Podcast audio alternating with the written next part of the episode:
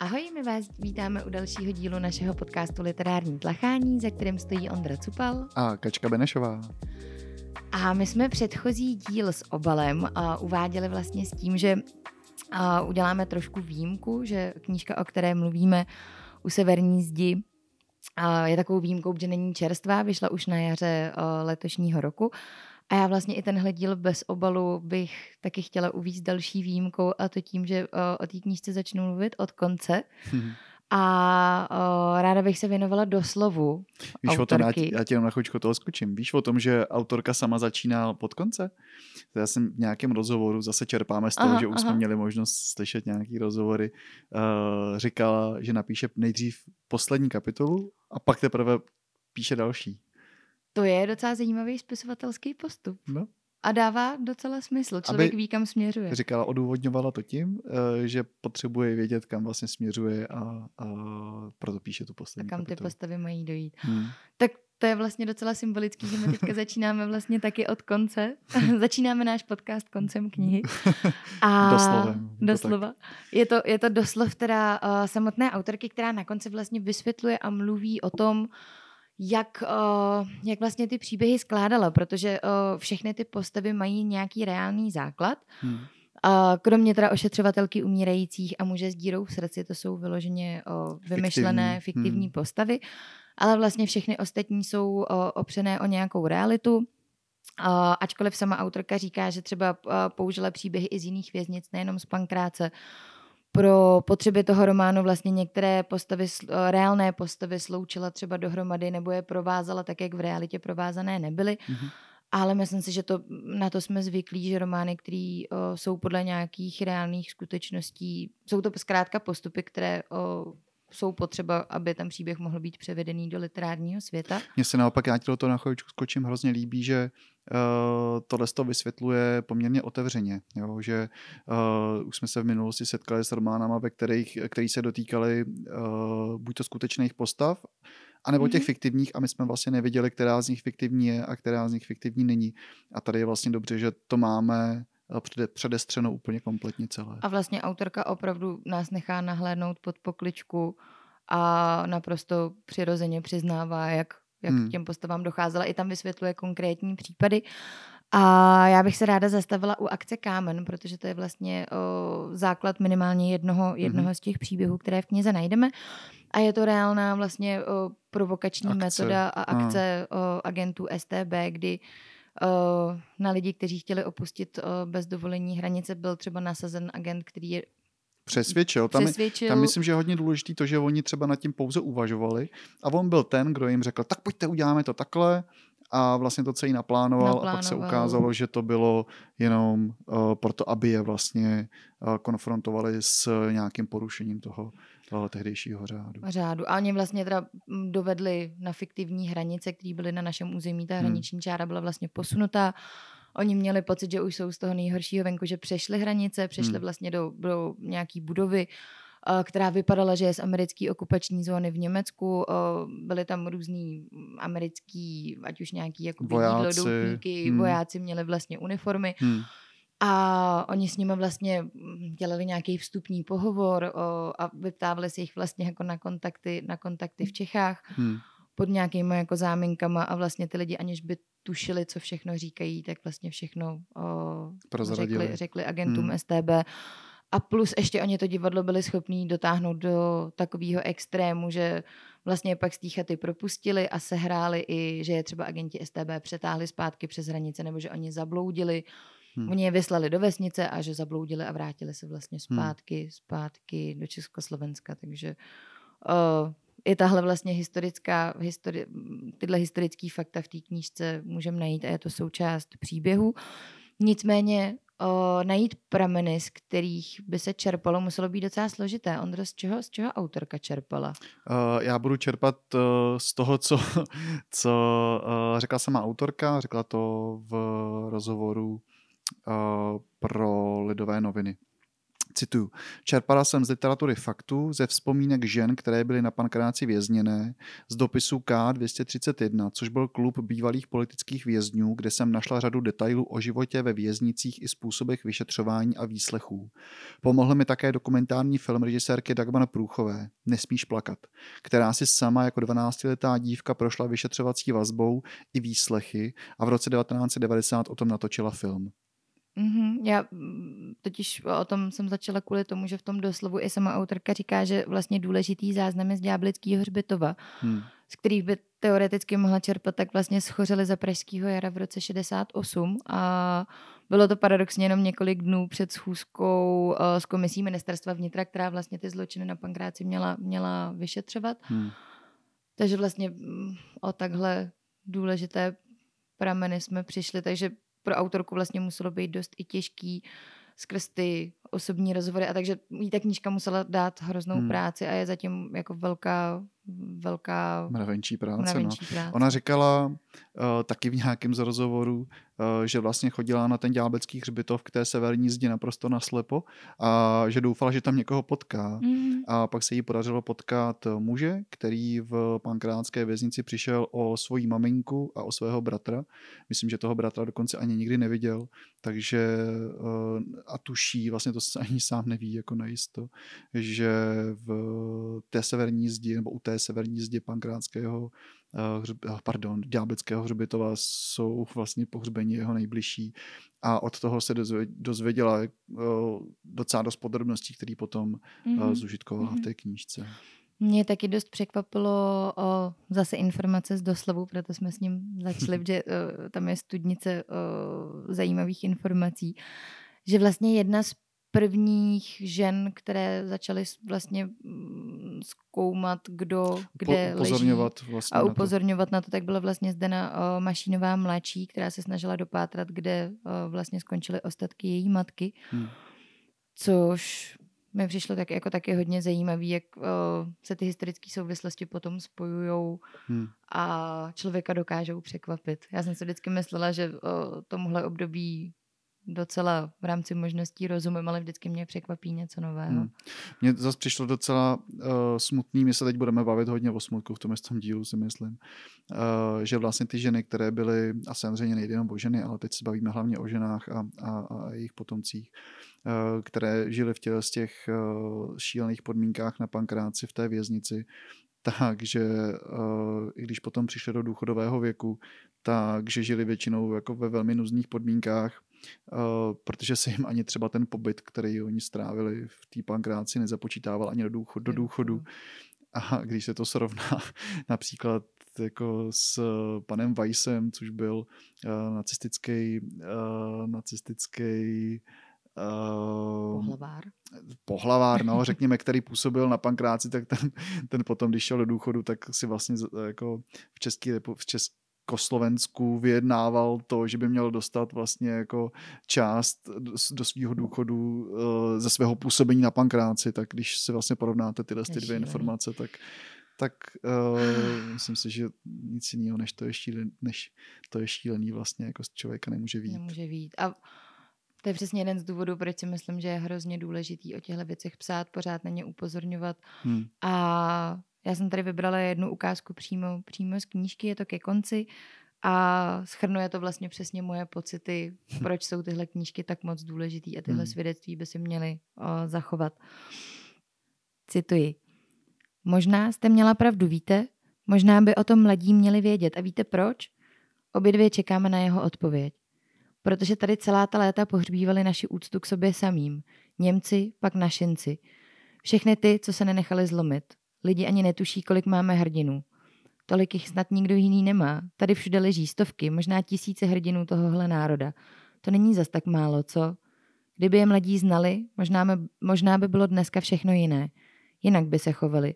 Znovu by se naučili bránit vlastní svobodu a třeba by byli na tuhle zemi a na sebe i hrdí. Byl ten stařík vlastně skutečný a ta těhotná dívka, potkala jsem je vůbec? Neviděla jsem je přicházet, neviděla jsem je vlastně ani odcházet. Naše osudy se setkaly jen na docela malý okamžik uprostřed věčného spánku tohoto místa. Naschledanou a kdo ví, možná se ještě potkáme, mladá paní. Když si podáváme ruku na rozloučenou, starý muž se unaveně usměje a zašeptá do hřbitovního ticha. Já vím, že vám bude dnes spousta lidí říkat, že to tenkrát nebylo zas až tak zlý, že obyčejný člověk se měl dobře, zlatý dobrý časy, ale to nebyly. To opravdu nebyly. Byly, nedořekne. Jen zvedne blíž k mým očím záblou stařeckou paži, má na ní husí kůži. A tu mám i já po, hm, po čtení. Myslím si, že to je přesně ten člověk, na kterýho tam narazila v, re, v reálném životě. To vlastně člověk má v sobě skrytou takovou tendenci zapomínat takové ty špatné věci a myslím si, že knížka jako je tahle zase pomaličku ty oči otevírají, aby si ty lidi uvědomili, že uh, nejenom nacismus, ale i ten zpropadený komunismus byly pěkný svinstva a jen houšť. Jsem hrozně rád, že, jste, že ta knížka spatřila světlo světa. A uh, jsme se spolu bavili a i to i součástí knížky, je to jako hodně velký téma. Uh, o tom, že zlo plodí zlo a jen hodně silné osobnosti dokážou zlo, který jim bylo, na nich bylo páchaný, tak dokážou nějakým způsobem zadržet. A já jsem si zase vybral pasáž, která vlastně o tom zlu uh, hovoří. Je to uh, nějaký monolog uh, muže s, uh, dírou v srdci. s dírou v srdci. Cituji. Odkud pramení zlo? Málo kdy se prostě jen tak objeví. Přenáší se z duše na duši, množí se jako infekce v ráně. Nejdřív je člověk obětí, pak najednou trýznitelem. Něco se někde přepne a on začne oplácet stejnou mincí. Stane se tím, koho nenáviděl. Muž s dírou srdci si přeje, dlaní po, uh, si přejede dlaní po levém rameni. Přesně tudy se ten virus dostal i do jeho duše. Dnes není o nic lepší nebo horší než ti, které loví poslední dvě desetiletí. Mohl by se zastavit, přeseknout ten nekonečný lidský řetěz bolesti, co je k sobě přikovává jednoho k druhému a táhne společně dolů. Generaci za generací. Chtěl by, jenže v tom nočním lese s chladnoucím tělem vlastní matky za zády zapomněl, jak se odpouští. Vypustili mu brzdovou kapalinu. Stejně jako Robíkovi. Tohle je tak strašně dobře napsaná postava, která to celý vlastně tohle to ilustruje. Přesně to, o čem, o čem je ta ukázka. On, hmm. uh, on si nikdy nepřál vlastně být tím mstitelem, který ty zločiny těch 50. let bude uh, bude mstít, ale vlastně on k tomu přistupuje s takovou pokorou a až trošku hm, poraženecky, ale ono to není úplně vhodný slovo, ale uh, on tam několikrát říká, že vlastně nemá jinou možnost, že mu ta maminka vlastně vždycky říkala, že odpouštět může jenom Bůh. Hmm. A takže na něm to odpuštění není. On to bere tak, že on není ten, kdo jim má odpustit. On vlastně jenom to napravuje nějakým způsobem. A je tam moc, v, této ukázce je moc hezká ta paralela i s tím, i s tím Robíkem, s tím Bachařem a na těchto dvou postavách je strašně hezky vidět, jak se to zlo přenáší. Hmm. Je to tak. Uh, já si myslím, že tohle je taky jedna z mnoha uh, hodně silných vlastně otázek celého toho románu.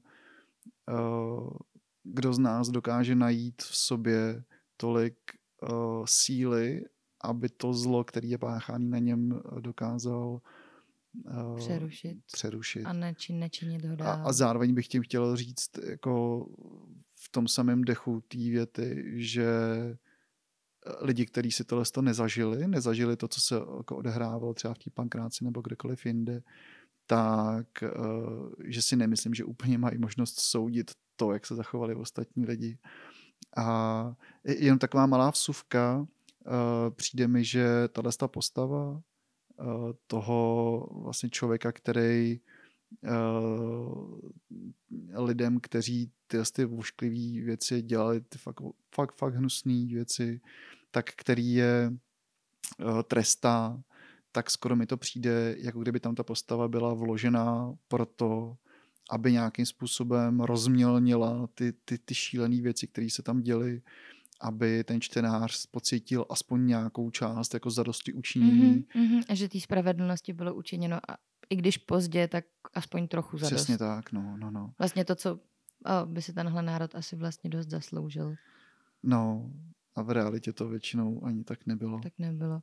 Ale já bych se ještě vrátila k té postavě toho Robíka, mm-hmm. která vlastně mi připadala, že má trošku paralelu s tím životem toho o, muže s dírou v srdci, ačkoliv na úplně opačné straně barikády. Mm-hmm. Tak tam vlastně jako to zlo, přesně ten virus, jak pronikl o, jemu do těla ve hmm. chvíli, kdy vlastně ho střelili a zemřela mu tam na těch hranicích ta maminka, tak ten Robík to stejné On navíc ještě jako nebyl úplně uh, hezký a inteligentní dítě, jak je tam popsaný na začátku, měl hmm. nějak roště patra a vyrůstal vlastně sám s maminkou, která byla bývalá snad divadelní nebo filmová hvězda, herečka, teďka už jí odkvetla, odkvetla sláva, ona snad i dohodně pila. A vlastně obě dvě tyhle ty postavy jsou odkazem toho, co se jim stalo v tom dětství a ukázkou toho, jak ten řetězec zla vlastně postupuje. Hmm postupuje dál a dál, ale v tom románu je postava, která to uměla zlomit. Jo. Nebo se aspoň o to Aspoň se o to pokusila. pokusila. No, určitě. Uh, máš samozřejmě na mysli uh, ošetřovatelku, ošetřovatelku umírajících. umírajících. Které se celá ta doba taky extrémně týká a vlastně uh, její životní příběh je tam taky. Hmm. Taky se jí událo hodně, hodně zlého, že jo, protože uh, její maminka ji adoptovala, uh, nebo si ji vlastně vzala od jedné z vězeňkyň, od malířky, která na pankráci byla jenom kvůli tomu, že s kamarády dělali výstavy na půdách. Na půdách, no. To je opravdu a... přečin, no. Tam, mě se tam dotýkala strašná spousta drobností, kdy ta maminka si ji vzala, uh, ale vlastně celý život na ní byla neskutečně zlá a, a, a vždycky úplně uh, začala vyšilovat, když ta malá si třeba chtěla jenom malovat, protože ty pastelky a ty barví vlastně připomínaly, že není hmm. její. Hmm vůbec se s tím nedokázala srovnat, takže vlastně jí opravdu jako ze života, ze života udělala peklo a měla dost, uh, nebo měla hlavní zásluhu na tom, že ta dcera si vlastně vybrala uh, práci v sociálních službách, péči o ostatní, nikdy neměla děti, nikdy neměla manžela. Hmm. Ale, ale i tak v sobě našla tu sílu, vlastně on jí uh, muž s dírou v srdcí předá to pomyslný žezlo té mm-hmm. pomsty a ona se prostě rozhodne udělat to jinak. Hmm. A jestli teda můžu další pasáž. Pust se do toho. My jsme se s Ondrou shodli, že o, asi číst v, tom, v tuhle chvíli o, pasáže z knížky vydá o, víc než tisíc našich hmm. slov. A, a já to jenom rychle najdu.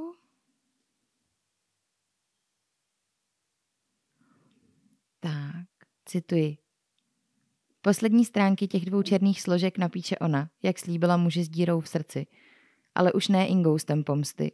Bude se dívat těm staříkům do tváře, vyprávět jim jeden dávný příběh a hledat v jejich vrázkách den podni tu dlouho schovávanou vzpomínku na člověka, který kdysi pochybil.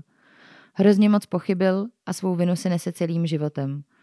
Ošetřovatelka umírajících bude stát u jejich, u jejich postele až do posledního okamžiku, Pomůže jim odejít na druhou stranu a pak jim odpustí. Aspoň to zkusí. Tohle je její životní poslání, úkol, který jí tu Julie Černínská nechala. Vlastně to věděla od jak živa. Proto si už kdysi dávno zvolila tuhle práci. Jako bájná řeka Styx, temný, němý prout lidských slz, doprovázející duše zemřelých do říše věčného odpočinku. Nepřekročitelná hranice podsvětí a zapomnění, nesoudí, nepláče, zkrátka jen plyne stále vpřed. V těch posledních dvou černých deskách nebude spousta bolavých řádek, které už stejně k životu nikoho nevrátí. Jen jediné slovo, jež, dokone, eh, jež dá konečně smysl všemu tomu zbytečnému utrpení. Odpuštění. Tady ta postava nejenom, že se o to pokusila, ale vlastně se jí to i zdařilo, jestli můžeme správně interpretovat to, eh, co se mělo dít s případem 6 eh, a 7 v těch mm-hmm, černých mhm. deskách. Mm-hmm že ona vlastně chtěla pouze jenom připomenout těm lidem, kteří dělali ty, ty hrůzy v té věznici, tak jim vlastně ty, to chtěla jenom připomenout, že to je něco, na co se zkrátka nezapomíná a je to něco, co si ty lidi musí nést. A, uh, a co by neměla vlastně ani přerušit uh, nebo do toho skočit nemoc, no. Protože samozřejmě spousta, eh, nebo většina těch lidí už jsou, už jsou opravdu staří, třeba Ludmila Krauzová a už se jim ty vzpomínky vytrácí. A, a, os, a osamocení. A vlastně nikdo s nimi nechce úplně nic moc mít, zvláště pokud se zbytek rodiny dozví, co vlastně dělali Co vlastně provedli. Uh, no, asi se dá nějak jako debatovat o tom, jestli ta cesta, kterou ona se rozhodla, že bude připomínat eh, těm lidem to, co dělali v minulosti, jestli je správná nebo ne, to asi nám nepřísluší nějak hodnotit. Eh, myslím si, že je to obrovský jako posun v chování, v porovnání s mužem s dírou v srdci, že, který si úplně servítky nebral. A zároveň i naděje. Já jsem z toho, z toho hmm. jak ona se rozhodla to řešit, snad poprvé za celou dobu čtení té knížky, jako jsem měla v srdci aspoň trochu záblesk nějaký naděje. Hmm. Že by se mohlo ty řetězy, o kterých mm-hmm. se mhm, tam hovoří, mm-hmm. přerušit. Přerušit a přetrhnout. No. Mně přišlo eh, autorsky hrozně zajímavý, jak uchopila uh, spisovatelka uh, to, že vlastně uh, ta uh, umírající, sestra umírajících, ošetřovatelka, ošetřovatelka umírající, děkuji, uh, jak vlastně uchopila to, že ta postava už od začátku věděla, uh, kdo je Ludmila Krauzová že jo, a, a co jako dělala uh, v, v, ve své minulosti. A přesto vlastně se ta postava jako snažila vycházet s tou Ludmilou, co nejlépe to šlo. A tak trošku jako psychicky trýznit, OK. Zároveň přesně to jsem chtěla teďka dodat, že hmm. o, ať ty věci nestavíme jenom, jenom černobíle, protože černobílí určitě, určitě. O, určitě nejsou tak vlastně ty věci, ať už ta plačící Madonna na půdě Aha. a puštěná televize a, a podobné věci, nebo vlastně ten rozbitý hrneček od té dcery. Otevírající se okno samozřejmě. A to byly jako docela, docela drsné věci, ačkoliv samozřejmě, když to člověk veme v tom kontextu, tak naprosto pochopitelný. No a pořád je potřeba to, nebo aspoň já to tak vnímám, jako srovnávat to s tím, jak se choval mm-hmm. Uh, jak se choval muž ten muž s dírou v srdci, přesně tak.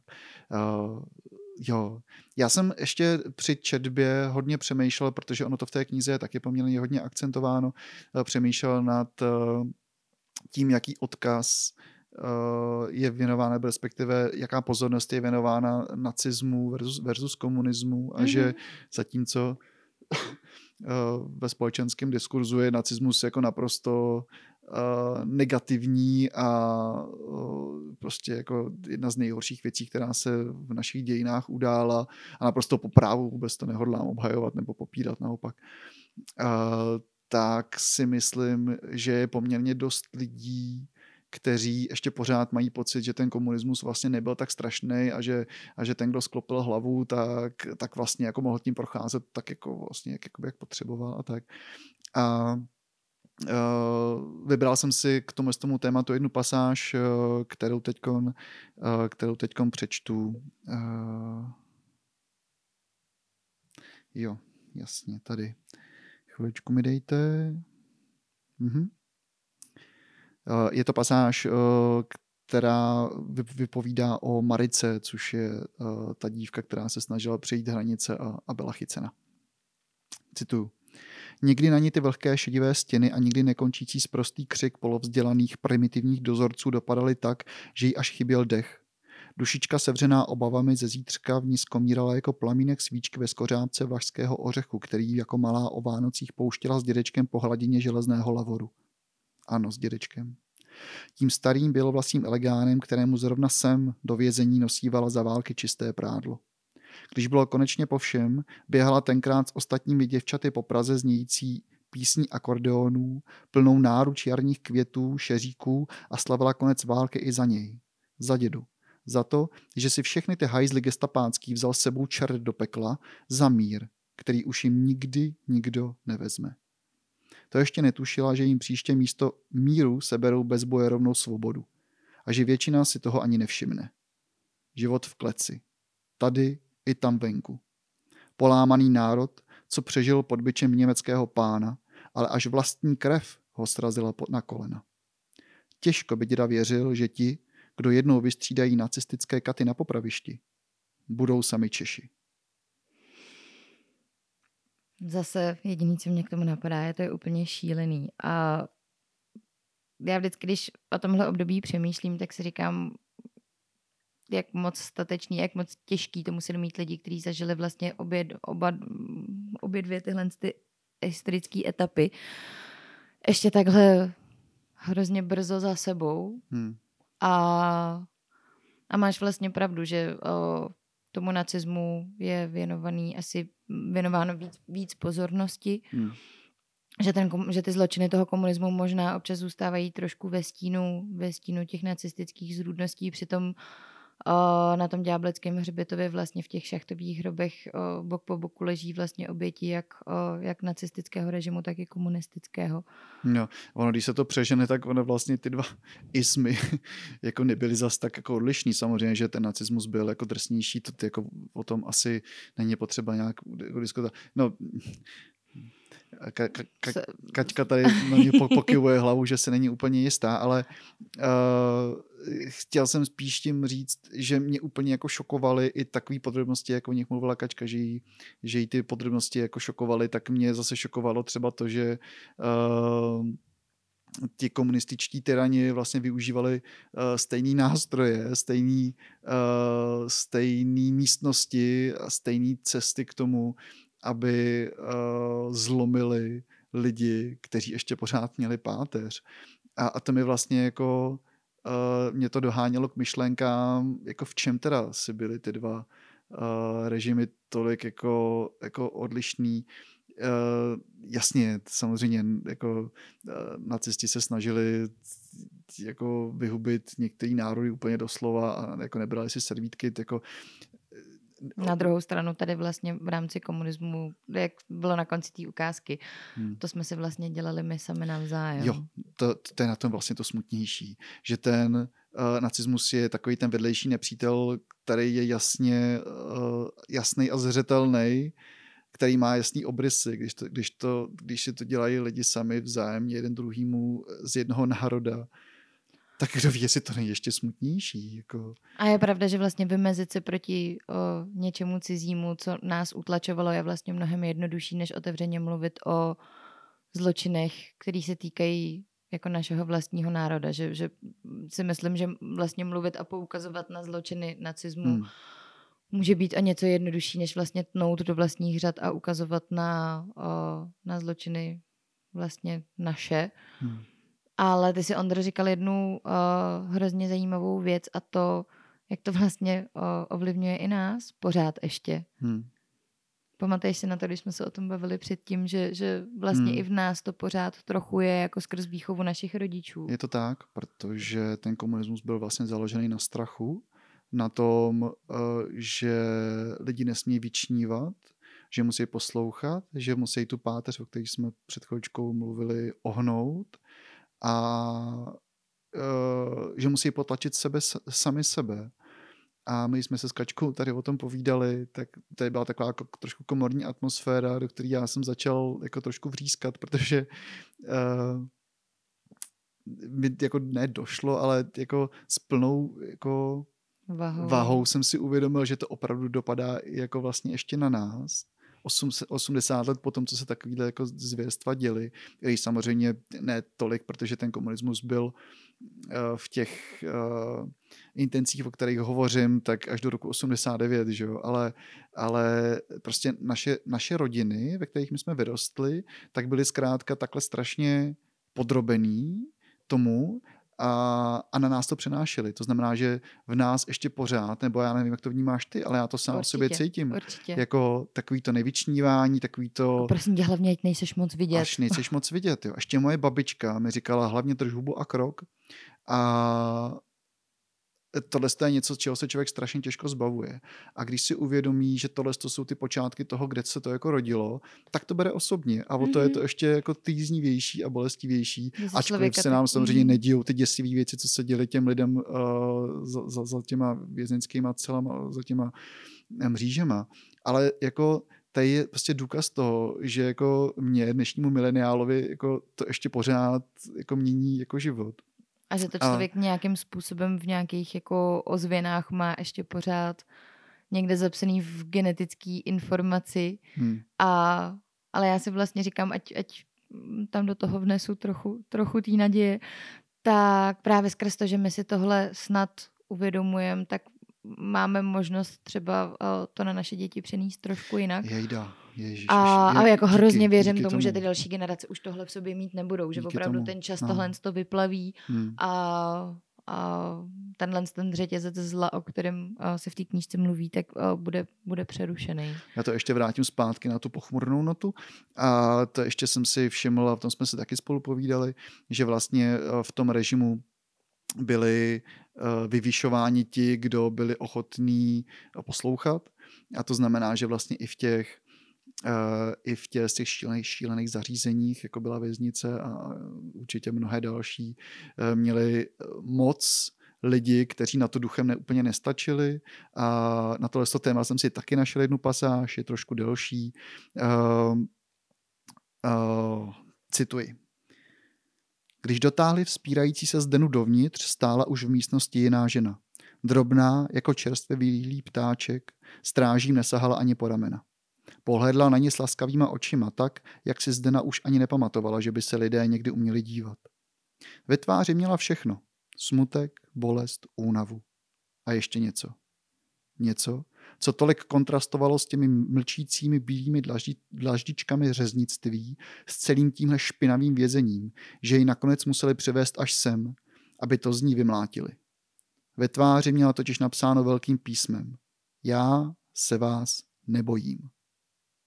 To, se- to se tu neomlouvalo. Vlastně ani tam venku. Až teď si Zdena všimla, že kromě těch modrých očí nemá žena před ní na sobě vůbec nic. Byla nahá, úplně. Jejich křehké tělo pokrývaly pouze špatně zahojené rány a čerstvé modřiny. Tak co, znáš ji? Zařval do ticha sekirárny na ženu bez jména vyšetřovatel. Jeho hlas vyfackoval ozvěnou bílé dlaždičky toho lidského masokombinátu několikrát z každé strany. Ne. Nic jiného, jen obyčejné ne. Zakázané slovo. No, jak myslíš?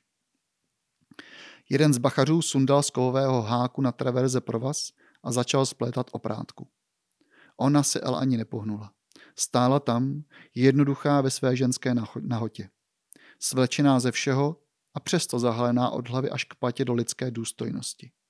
To na ně účinkovalo jako, zvednut, jako zvednout červený praporek před rozzuřeným bíkem. Mohli mít na sobě tisíce uniform a stokrát naleštěné boty. Pořád to byly jenom strachem podělané svině. A tohle malý člověk neodpouští.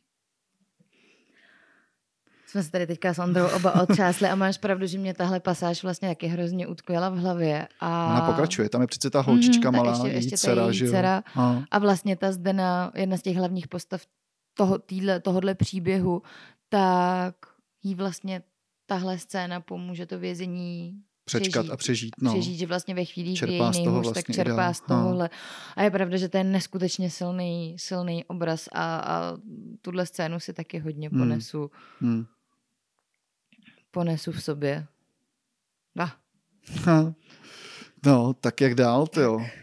Já bych se možná teďka o, od O těch ideologických od těch věcí. ideologických a až, až občas filozofických úvah, ale to nám teda fandím, ale uh, bych se možná přenesla trošku do té uh, do té literární roviny. A to, uh, co mě na té knížce neskutečně bavilo a co si myslím, že uh, je pro čtenáře uh, takový magnet, Hmm. Uh, tak to je vlastně ta detektivní zápletka, nebo ta detektivní linka, Hmm. Ono je to napsaný i v anotaci, jo, že uh, román je možné číst jako detektivku, i když bez detektiva a bez vyšetřování. Což naprosto sedí Hmm. a ta detektivní linka tam je a čtenář vlastně celou dobu přemýšlí, Hmm. uh, kdo, co, jak a opravdu to ten efekt té detektivky má. Hmm. A to musím říct, že mě moc bavilo. A zároveň mě bavilo i to členění a to, jak vlastně chytře je to napsané, že člověk uh, musí trošku při tom čtení jako spolupracovat, abych mm-hmm. to Mhm. vysvětlila. Uh, tak ta knížka je vlastně uh, rozdělená na tři části, zapomnění, odpuštění a hledání. Uh, při tom zapomnění se vlastně seznamujeme s uh, chlap, v té době s chlapcem s dírou v srdci a s ošetřovatelkou umírajících. V odpuštění jsou ty jednotlivý vlastně příběhy uh, z těch desek, co se Hmm. stalo a vždycky k tomu následuje nějaký trest. A v, Který, se, který se snaží být co nejpodobnější Ší tomu, co tomu ty lidi provinění. dělali. No. A zároveň ale tady člověk opravdu, jak o, přeskakuje mezi těma příběhama, tak musí dávat pozor, musí si spojovat ty souvislosti, mm. nedostane to úplně předložený na stříbrném podnose, což mě osobě, osobně moc bavilo. To mm. byl moc dobrý princip, princip té knížky. A zároveň na konci vlastně to hledání, kde je příběh o hledačky hrobů, což je vlastně, jestli, jestli jsem to z toho doslovu správně pochopila, právě ta Zdena Mašínová mladší. Mm-hmm. A plus ještě příběh samotné samotné autorky na konci, hmm. z kterého jsem citovala. Já jsem hrozně rád, že autorka uh, zvolila tuhle formu, protože si skoro myslím, a teď nás budu hodně podceňovat, ale myslím si, že je to realita, že bychom se k té knížce vlastně nějak nedostali. Jo, že tím, že je to uh, zabalený v tom detektivním obalu, ta díky tomu je to čtivý mm-hmm. a mm-hmm. není nic lepšího, než když se zábavnou formou člověk dočítá, no zábavnou formou je trošku asi. A napínavou nebo nějakou mm, zajímavou formou, formou dozvídá vlastně historické okolnosti nebo no, a, a věci, které by se člověk jako dozvědět fakt měl. Mm-hmm. Takže uh, já fakt leskám, jsem fakt strašně rád, že to jako, že to uh, stvárnila tím s tím způsobem. A navíc jsme se shodli s Kačkou na tom, že literálně je to hrozně dobře, uh, hrozně dobře uh, vypracovaný, postavy jsou naprosto důvěryhodný. Ty postavy, uh, přesně. Ty postavy, ty postavy jsou fakt jako skvělý.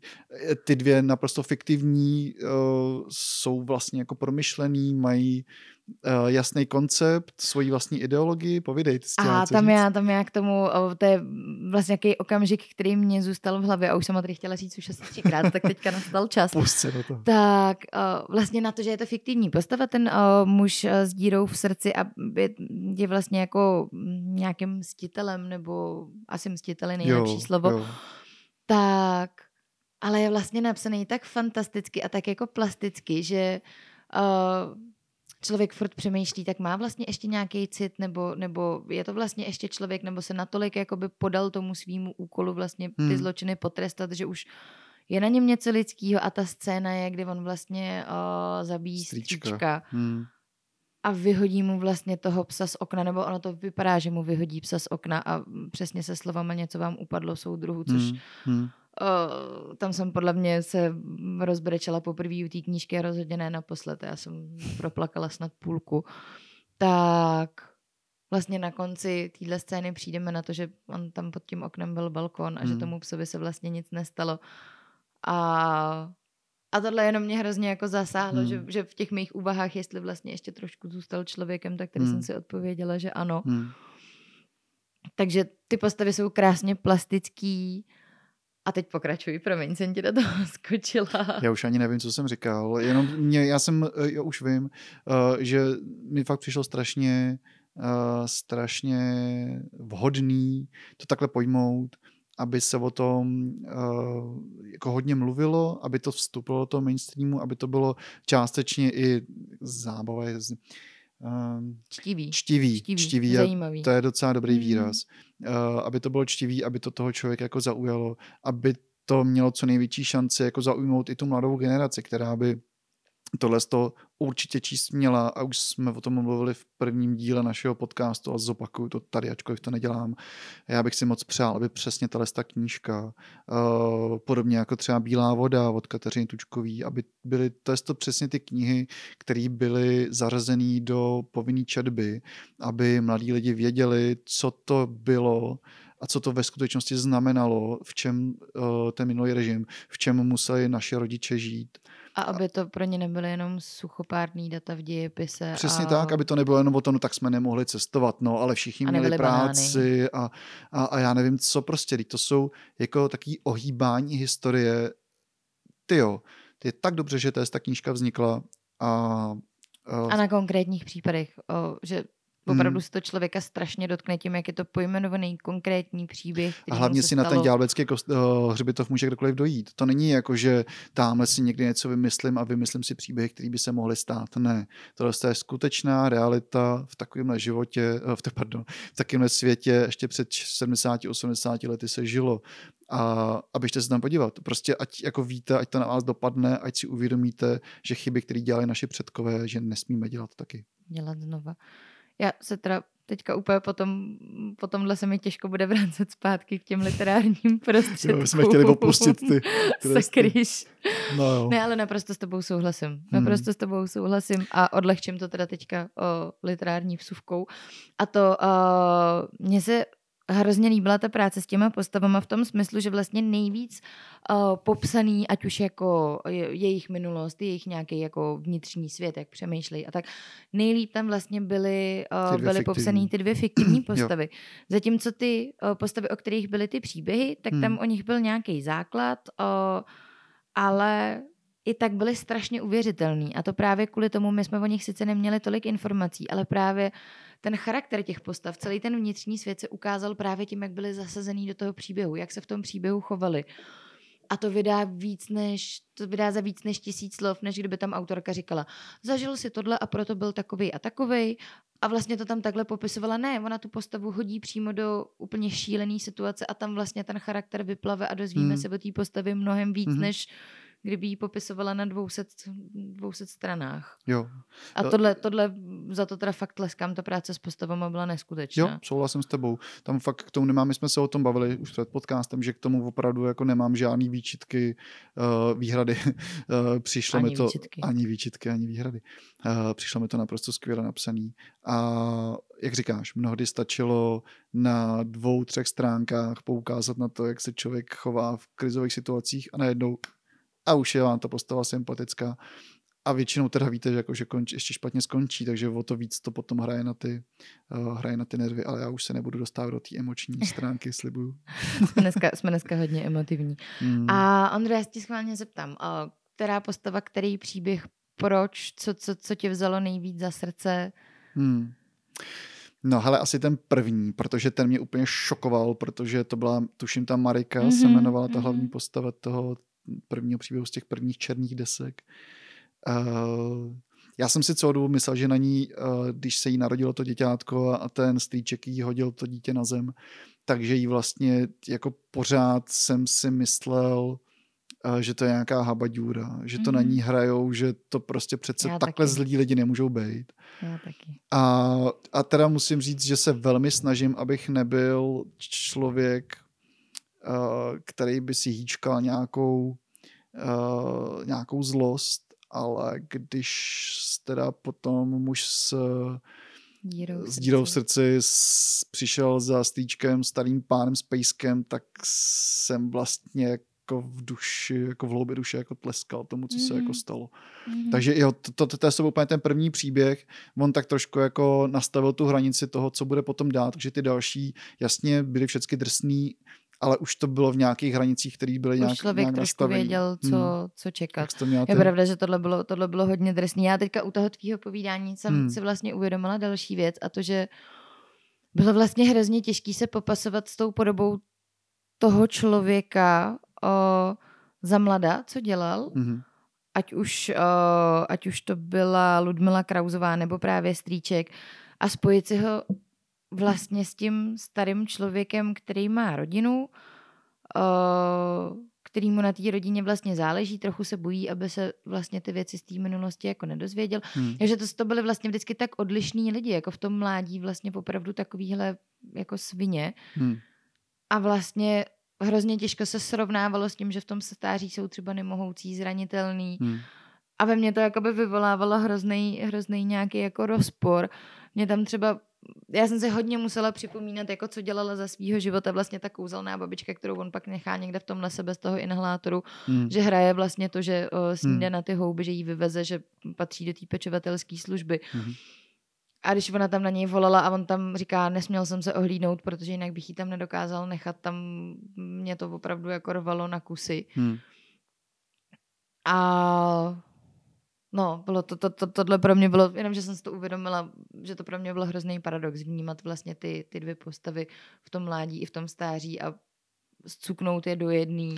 Hele, nemyslíš si, že, je to, že to je výsledek toho, co do nás bylo vtloukáno od mala? Teď tím myslím, uh, uctívejte stáří, staří lidé jsou moudří, všemu rozumějí. Těm se neodmlouvá. Jo, jestli to Možná není tím, jo. jo. Možná Protože jo. jako do mě to vtloukáno bylo, nevím, jak jsi to měla do mě ty, taky, do mě ale taky. jako staří lidé, prostě si vybavu do dneška, prostě moudří lidé, staří, už mají mnoho zkušeností. Ty musíš ctít. No, Mm. ale a co pak to, jsou to pořád ty samý lidi, jo. Mm. A, um, ať chceš nebo nechceš, tak prostě to, jak se chováš v životě, tak se prostě neseš. I kdyby si to nesla jenom, a na tom tam v té knížce taky bylo hodně naráženo, hlavně od uh, ošetřovatelky umírajících, že si to ti lidé vlastně nesou v srdci celou dobu.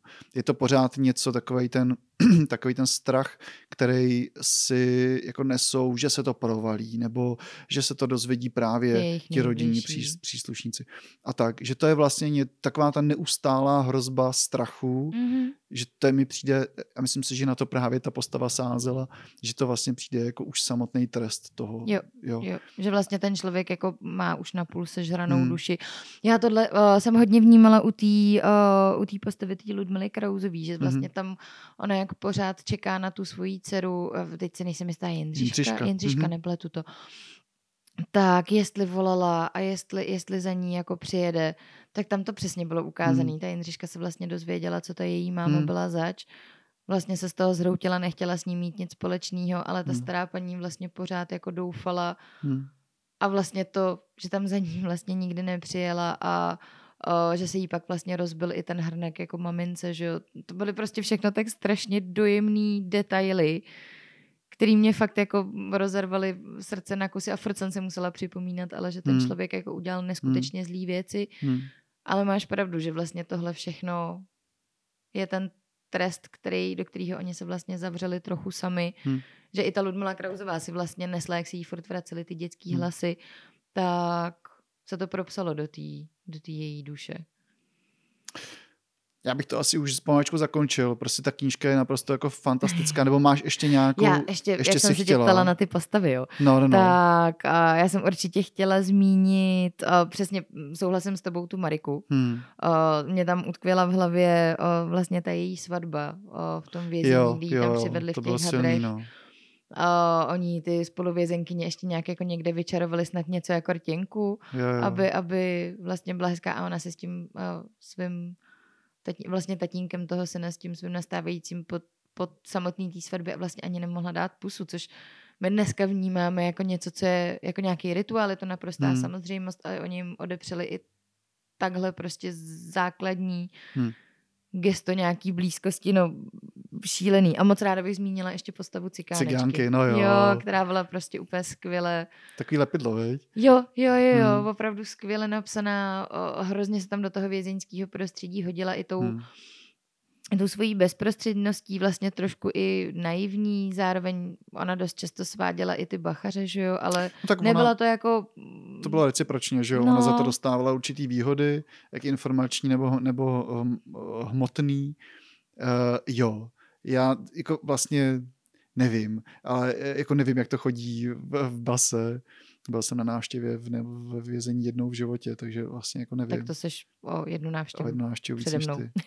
No, a, ale jakoby jak to tam chodí, tak nevím. A Každopádně, jestli jsem dobře pochopil, tak autorka čerpala vyloženě i z nějakých uh, dopisů, který psali uh, právě vězenkyně. Možná i z těch motáků, co pak Možná z vynášeli. těch, z těch motáků stoprocentně to vím, ale je, mě, mě spíš teď zajímá, nebo spíš bych se pobavil, no, takhle uvažuji nad tím, jak vlastně to tam mezi těma vězenkyněma jako chodilo, protože zase si myslím, že by byl velký rozdíl mezi tím, když uh, by se člověk ocitl mezi, mezi uh, zlodějkami nebo vražetkyněmi a když se ocitnul mezi politickými vězenkyněmi. Že? Ona to tam přesně tohle vlastně Hmm. píše. Já si myslím, že tam ty rozdíly o, podle toho, kde kdo byl zavřený, jsou vlastně akcentovaný Hmm. taky. Jo, souhlasím. Což bylo, což bylo Takže vlastně super. pokud je moje domněnka jako správná, tak tam ty, ty, uh, ty vězenkyně docela držely při sobě a je to tam v jedné scéně v té knize, a to nevím, jestli je opřený o skutečnost uvedený,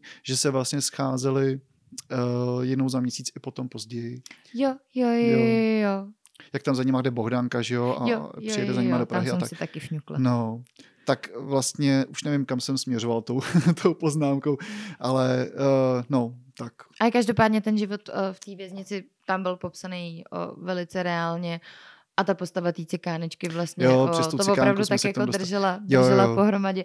A když už jsme u těch postav z vězení, tak já bych ještě moc ráda zmínila měkkýho Honzu, Mhm. který je, o, zase autorka to říká v doslovu, psaný podle naprosto konkrétní Mhm. osoby. O, já myslím, že to byl Jan Horáček, ten člověk, ať, Mhm. ale nechci to tvrdit stoprocentně, a on po dvou měsících služby opravdu byl o, Mhm. odsouzený k trestu smrti. A Protože ukázal lidskou tvář. No. přesně to ilustruje to, že pokud člověk v sobě ještě ně, něco z toho člověčenství měl, tak tyhle situace a tohle prostředí to v něm buď definitivně zab, Hmm. jako zabilo to člověčenství, anebo zemřel sám ten člověk, protože jako uchovat se tady v tom prostředí zdravý rozum nebylo, nebylo hmm. možný a ta jeho postava o, i tím, jak tam těm vězenkyním pomáhala, mě přišla hrozně důležitá. Jo, psychologického hlediska stoprocentně. Ale to je zase důkaz toho, jako buď to ohneš páteř, nebo jí mít nebudeš. No, že jako, A nic mezi tím. jo, mm, Tak jo, tak doufáme, že jsme na, že jsme na vás naší tady depresi po přečtení knížky o, hodili správně. Tak, přesně. Aby jsme vás vyprovokovali k tomu, abyste tu knihu vzali a dali ji svýmu vnukovi nebo svojí snaše, ne snaše, neteři, neteři, uh, abyste jí dali, abyste to přečetli, protože to, to je fakt něco, o čem bychom hodně moc si přáli a chtěli, aby, aby... si tu knihu přečetlo co nejvíc lidí. A aby co nejvíc lidí mělo na čestném A kdyby nás náhodou někdo poslouchal čistě náhodou, kdo třeba rozhoduje o tom, která kniha vyhra- vyhraje magnézi literu, tak my bychom oba dva asi hlasovali pro to, aby byla minimálně mezi posledními třemi. Děkujeme. Děkujeme vám moc za poslech a budeme se těšit příště. A U Cormaca Mac- McCarthyho. můžeme prozradit, přesně tak. Tak jo, děkujeme, mějte se hezky. Díky, mějte se fajn.